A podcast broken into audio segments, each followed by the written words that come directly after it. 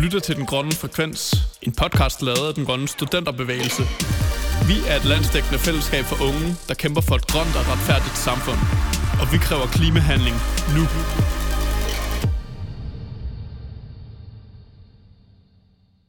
Reklamer er noget, som længe er blevet overset i klimadebatten. Men selvom vi kan tage reklamer for givet, har reklamer faktisk stor indflydelse på, hvilke valg vi tager, og om vi handler bæredygtigt eller ej. I dagens afsnit af Den Grønne Frekvens vil vi tale om reklamers rolle i den grønne omstilling. En rapport fra Greenpeace sidste år viser nemlig, at reklamer i Europa for biler og flyrejser alene er ansvarlige for udledninger på mellem 41 til 122 millioner ton CO2 årligt. Et tal, der svarer til mere end hele Danmarks årlige udledninger. I starten af marts blev et par af vores aktivister inviteret til konferencen Ban Fossil Ads Conference i Amsterdam, hvor aktivister fra hele verden, som arbejder for at forbyde klimabelastende reklamer, var samlet. Målet var at dele deres erfaringer og få inspiration til fremtidige kampagner, samt at forbinde organisationerne på tværs af landegrænser. Under konferencen talte vi med to aktivister, Femke Slækkers og Charlotte Brat, organisationen Reklam for Frei, en organisation, som har formået at indføre forbud mod fossile reklamer i det offentlige rum i en hel række byer i Holland. I podcasten vil Femke og Charlotte først fortælle lidt om fossile reklamer i Holland og baggrunden for den kampagne, de har været med til at rulle ud. Blandt andet, hvordan store fossile industrier i deres markedsføring plejer deres image og voldsomt nedtoner den skade, de er med til at forvolde. Herefter fortæller Femke og Charlotte om nogle af deres succeser med kampagnen. Blandt andet har de haft stor succes med at få gennemført politiske forbud og med at mobilisere museer og andre samfundsinstitutioner i kampen mod fossile reklamer og sponsorater. Til sidst vil de dele nogle gode råd omkring, hvordan man starter en kampagne mod fossilreklamer i sit eget lokalsamfund. Nu giver vi ordet til Femke, som blev særligt opmærksom på problemerne med den fossile reklameindustri, da hun var til en klimafestival, som viste sig at være sponsoreret af oliegiganten Shell.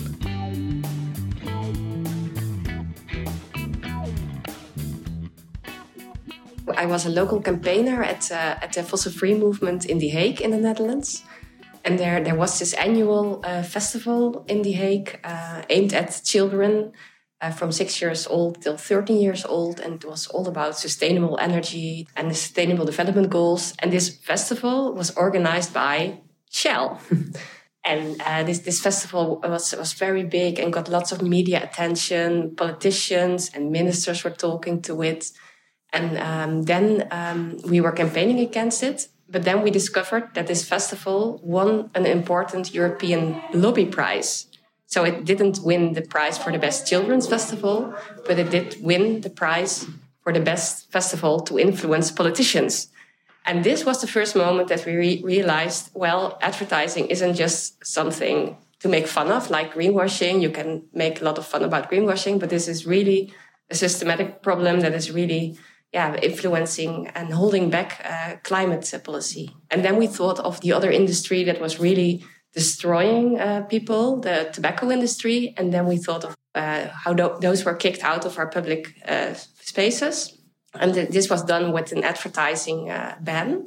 And this really, um, they're not gone yet, but it, it really was um, reducing their power. So, mm. so this was why we thought we need a tobacco law for the fossil fuel industry. Um, yeah, so I joined uh, Reclame Fossielvrij less than a year ago. And I think uh, before applying, I hadn't really thought about uh, the impact of advertising in general. So uh, I think as climate campaigners, it makes sense to, you know, um, cut fossil ads out of public space, out of online space, uh, out of newspapers, etc.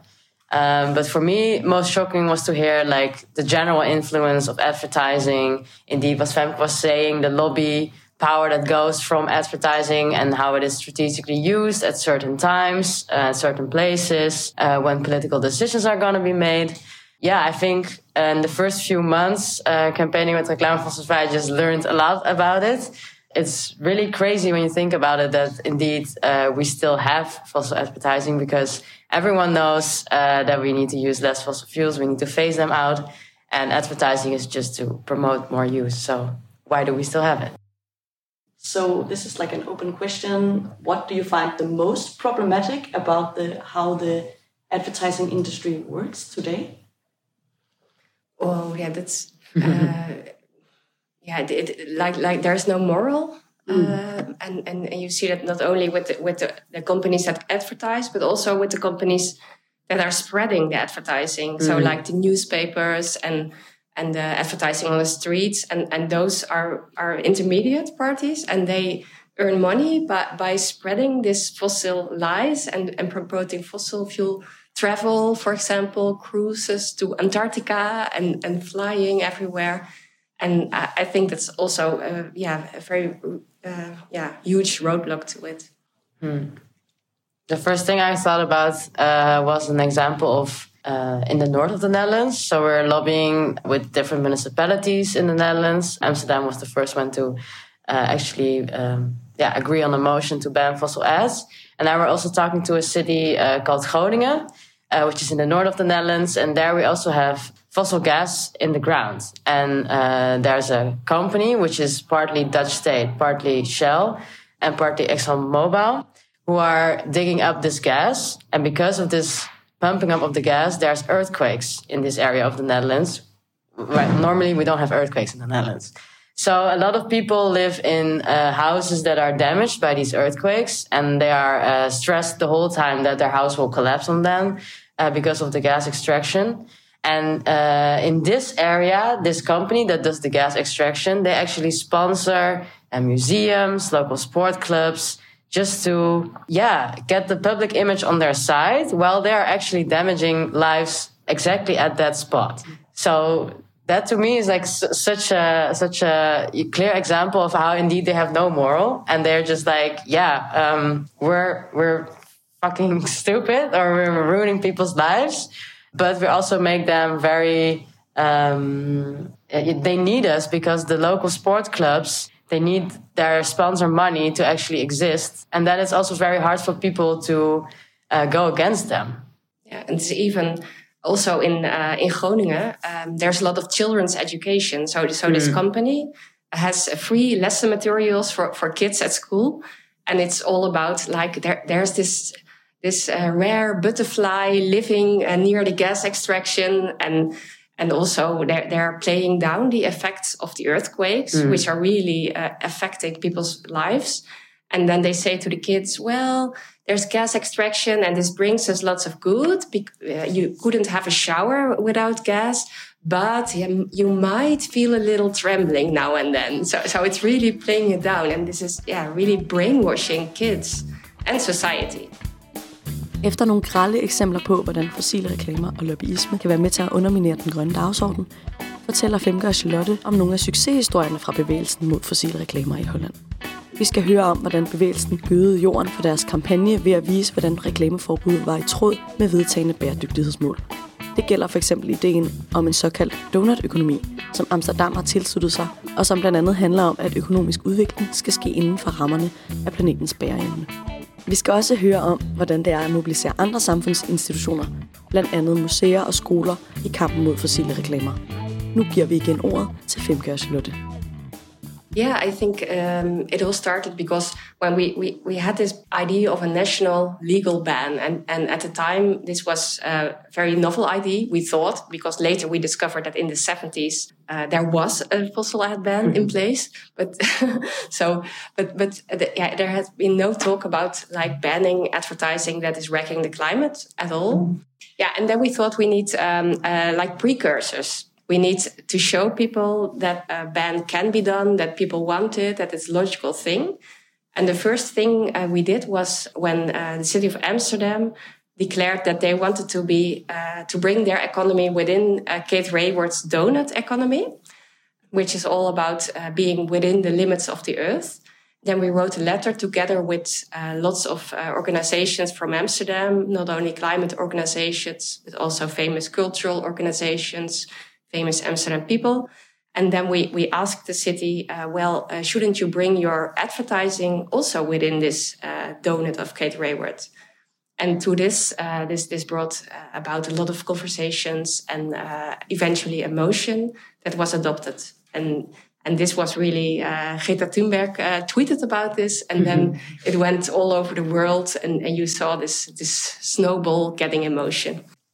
Yeah, definitely. And now we have also other municipalities who are following uh, the lead of Amsterdam. So uh, uh, in the Netherlands, we have The Hague, Utrecht, Nijmegen, Leiden, many other cities, and also a province. Uh, so uh, we have 12 provinces in the Netherlands, and there's one province who also said, uh, we also own advertising spaces in public, and we don't want to have any fossil ads on there anymore.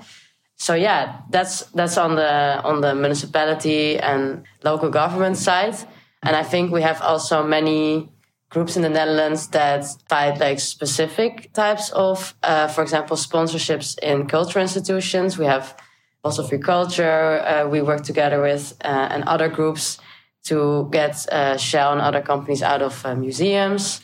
Yeah, we already heard about the educational materials. So there's also fossil-free education, uh, where Femke was active, targeting like the uh, educational material these companies make. Um, there's like this sustainable festival every year. Um, this is like a festival for all kinds of policymakers, people from different kinds of governments, different kinds of companies. And um, one of the spon or they had a few sponsors of their festival that are basically just gas lobbyists. Uh, so the lobby organization of, of gas extracting companies. And yeah, we felt, of course, that's very wrong. they also, you know, get a say in what is the program and they can also come to the uh, festival themselves, of course, speaking to all these policymakers in or outside the program.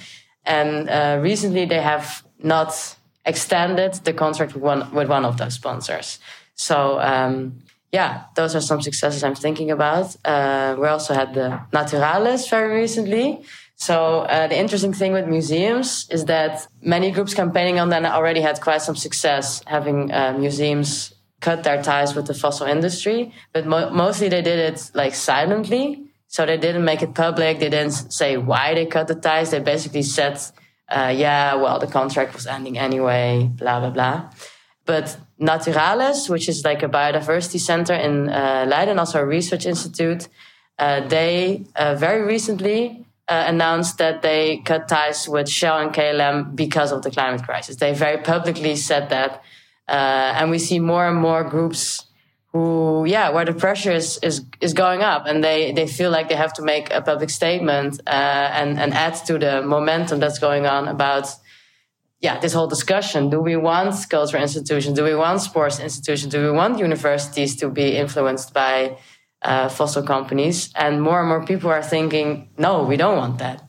Uh, so we should, yeah, help spread this momentum and, and speak out about it. Yes, and this is about creating the front runners to show that uh, that it is good to to it's an example to follow to to ban fossil ads and fossil uh, sponsorships. But uh, we also uh, do legal cases to have like experts like the uh, advertising watchdog or, or a judge declare like this advertisement is misleading you and and these cases at the advertising watchdog they, they always get lots of media attention and we win them all mm-hmm. because they are misleading and there was one case um, uh, we did together with a professor from university together with his uh, nine students and they, they made this very comprehensive report of, of more than, than 100 pages explaining why offsetting isn't uh, is, is, misleading. And this one case was won uh, because Shell was uh, selling gasoline. Like if, if you pay one cent extra, we plant some trees and you're, uh, you will be driving carbon neutral. And this campaign runs also in other countries. And yeah, we, we won that one. And then Shell changed the name CO2 neutral to CO2 compensation. Then again, we uh, filed a complaint and again we won. So Shell can't name CO2 neutral and CO2 compensation. And this was also uh, copied to the KLM case because KLM also offers uh, uh, sustainable flying with offsetting. And so, so there's, yeah, a lot of, um, you, you can really build on each other's work. Mm. And we also have this website. Maybe you can uh, tell something about it. Well, the website, yes, it's worldwithoutfossilads.org. And uh, yeah, this is basically one of the projects we're doing to help create this snowball like internationally. So it's a website on which we, we showcase uh, all different groups, all different uh, initiatives that are fighting against fossil ads if that's with subvertising or with campaigning or with legal cases or with municipalities or whatever. Uh, and all initiatives uh, are on there, or at least it's a work in progress, of course. But uh, yeah, it's an it's a website where you can find all organizations who are working on it, all uh, uh, wins that we had, so all ad bans that are already in place, or which laws are already in the making. All different kinds of projects, uh, going from cultural institutions to educational institutions to sports to yeah, whatever, everything. And uh, another th- cool thing I think is that we are also gathering research and also toolkits on this website. So Femke was just saying about the watchdog cases that it's, you know, with the CO2 compensation, because you see it in so many different ads. Like we already have this one case that went very well. We can just copy it to other countries, copy it in other cases. So uh, those kinds of, of, of, toolkits or things that you can easily, you know, start with. Um, we're also, yeah, want to gather them on our website, and we hope this website will not only inspire other people to to uh, you know do the same and campaign for a fossil ad ban or take action, but we also want to show policymakers that you know this ad ban is gonna come. It's gonna come pretty soon, we think. Uh, this snowball is not gonna stop anymore, so they better be one of the first and uh, uh, be proudly uh, stated as a win on our website, then be one of the last. And um, yeah, we really hope that um, with this website we can reach like a, a broader audience and uh, new people and new policymakers who'll be like, hmm, yeah, this actually makes a lot of sense. Som vi kan høre, har aktivisterne i Holland haft stor succes med deres kampagne. Vi spurgte Charlotte og Femke, om de havde nogle gode tips, som vi kunne tage med til Danmark. Nogle af de vigtige pointer, de kom med, var, at vi skal gå efter kommunalpolitikere. Og måske gerne i nogle af de kommuner, som sigter efter at udmærke sig på bæredygtighed. En anden vigtig pointe er, at man skal starte i det små, fordi det ligesom er lettere at komme i snak med lokale grupper, firmaer eller lignende. I think it depends really on the on the situation, of course. But I think one of our main strategies is indeed like to create these front runners. And I think many countries, uh, maybe the national government, they are not super ready for it yet. But some municipalities or cities, they are more progressive, uh, have a more progressive government. So I think for us, we already know which parties are kind of behind our points. And if we see uh, a municipality that has uh, a majority of those members that are already in favor, then we just, you know, write a letter to them saying like, uh, hey, we have this very cool thing. A fossil ad ban is good because blah, blah, blah, blah, blah. And there's already these and these cities that has done, have done it in this and this way. Um, and it, I think it makes a lot of sense to, to target cities and big cities because uh, not only do they tend to have more progressive governments, but also they tend to have way more ads and also way more people who are in the national government. They mostly work in, in big cities or in the capital. And uh, these ads, as we heard before, they are also used, yeah, in lobby practices. So these cities actually have an extra responsibility to not show these lobby ads while uh, um, political decisions are made in the same yeah area. Let's say. So for me, that makes a lot of sense. But um, there's probably also other ways. yeah, yeah. If an idea is very novel, it it yeah, there's also you can also cooperate with other uh, groups uh, in the city. So you can form a coalition of organizations that are asking for this. So it's not only your green organization but it's also backed by the local uh, museum the local restaurant or pub that's very popular. And together you can write this letter and this this shows like the the public support. And uh, it should also be important that you you back it up because um, yeah, you are really helping them reach their climate goals because they have uh, often cities have like targets. We want to be climate neutral in 2030. Yeah, how are you going to be climate neutral if they're still advertising for, for a, a holiday to Bali or, or for an SUV or, or for an, the oil company? And so, so it's really helping them reach their climate targets. And it, because it also adds to the sense of urgency if a local council decides, well, we have to take this away because advertising has an important uh, role in normalizing uh, certain things. Mm. And we want to denormalize fossil fuels, of course, because we've got to phase them out. And uh, yeah, a, a, fossil ad ban is, in our opinion, a, a first step to phase out uh, fossil fuels. That that comes way too late. so we should uh, introduce it very rapidly. How uh, have you like? How's your feelings about your own process in this? Like, uh, when did you first start? In what year did you start? And do you think has it grown exponentially, or is it more like through uh, continuous hard work? Um, yeah, I, I, think we uh, thought of this in uh, 2019, but at the same time, there were already other movements like the Swedish newspaper uh, Dagens ETC. Um, they've already banned uh, fossil ads from their newspaper, and we didn't know about that. But so it was an idea that was, I think, at the same time at different places rising. I think also in France they were already uh, working on this. So it, yeah, it came from many places, and I think the Amsterdam decision uh, really did it. And in Greta's tweet, it really uh, spurred the, the, the thing around. And I have the feeling I can't say it grows exponentially, but I really feel like this is a snowball going on. And uh, yeah, yeah, there is. There, I think so. Do you think so? Yeah, I think um, more and more we we hear of things. For example, municipalities that are going to discuss a fossil ad ban you know, sometimes they, they even only call us after they've already uh, uh, adopted the motion or three days in advance. Be like, oh, we heard uh, you uh, had uh, contact with our colleagues in another city. Yeah, we're gonna vote on it like uh, tomorrow. And when, like, it used to be that, of course, all the initiatives came from our side and we email people and, and all that kind of things. But now we sometimes hear from cool things happening only after. Yeah, so I think that's indeed a very strong signal that other people also are thinking about it more and more, uh, integrating it in other campaigns they're doing. Yeah. So snowball. Yeah, yeah. Going down the hill. Yeah, yeah. And, we used to uh, have to initiate everything, but but now uh, last week there was a, a letter by all kind of people mm. and scientists and famous people who are writing to uh, three big newspapers in the Netherlands to say, please ditch the ads, the fossil ads. We will pay more um, subscription to you.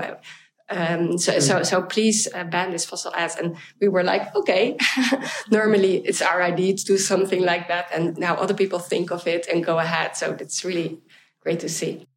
That actually goes well with the one of our final questions, which, which were, have you felt any opposition and, and where did you feel the most uh, opposition against this campaign? Yeah, I think um, it, it's um, mostly the organizations that are. So we expected to have opposition from like the fossil fuel industry, the airline uh, industry, and also the, the um, uh, car industry. But we discovered it's mainly the organizations that are making money by spreading these ads and publishing it, like uh, publishers and um, and like the advertising, the people of the organizations that put it on the street, like JCDecaux but the, uh, the publishing houses that are they're really opposing it, also lobbying against it. Uh, also in other countries, in France, for example, and and this really shocked me because the newspapers they have an important uh, function in our dem- democracies, and now the publishing houses are like lobbying against a democratic system, so they're influencing democracy, and yeah, I, th- I think that's very very problematic, and also mm. because they really have great journalism, and uh, but they they put advertisements next to it that are really destroying the planet and also uh, discrediting their climate journalism. So yeah, I think that, yeah, it surprised us that the, the most opposition was uh, from that side. Yeah. Yeah, I guess money is always the thing that makes people most upset in a way. yeah, and also unfortunately, yeah, and everybody has reasons for taking the money while knowing. And, and for example, one newspaper said, yeah, we, we need the money from the fossil ads to, to pay the climate uh, uh, not journalist. yeah, journalist. Yeah, yeah. yeah. Oh no, that's just so wrong on so many levels. um, so, do you have any final advice for uh, someone who wants to hmm. join this movement? Yeah maybe um, yeah start in your own circle of influence. So uh, like the climate problem is, is very very uh, huge and big. And but with the advertising campaign there's so much places where you can exert influence in your own circle. For example, your municipality, but also a letter to your newspaper, or you can also uh, ask if you're at a sports club. You can ask your sports club, like make the statement that you won't have any sponsorships from climate wrecking industries and kind of things. Yeah, I think that's very strong because those people also know you and you're like a, a customer of the newspaper or, or um, yeah, you live in that municipality. Like I live here, I, I don't want to see those fossil ads uh, in my streets. And uh, of course, I want to add uh, if you want to be inspired, you can also have a look at our website, uh, which is worldwithoutfossilads.org. And um, there you can also, yeah, find for mo most of the organizations uh, contact details. So if you see an example or like, oh, I want to read more about that, uh, or I want to, you know, do a little podcast with them or something, uh, you can uh, also, uh, yeah, contact most of them there. Great. Thank you guys so much. And thank you guys for the great work that you're doing. Let's make fossil ads history.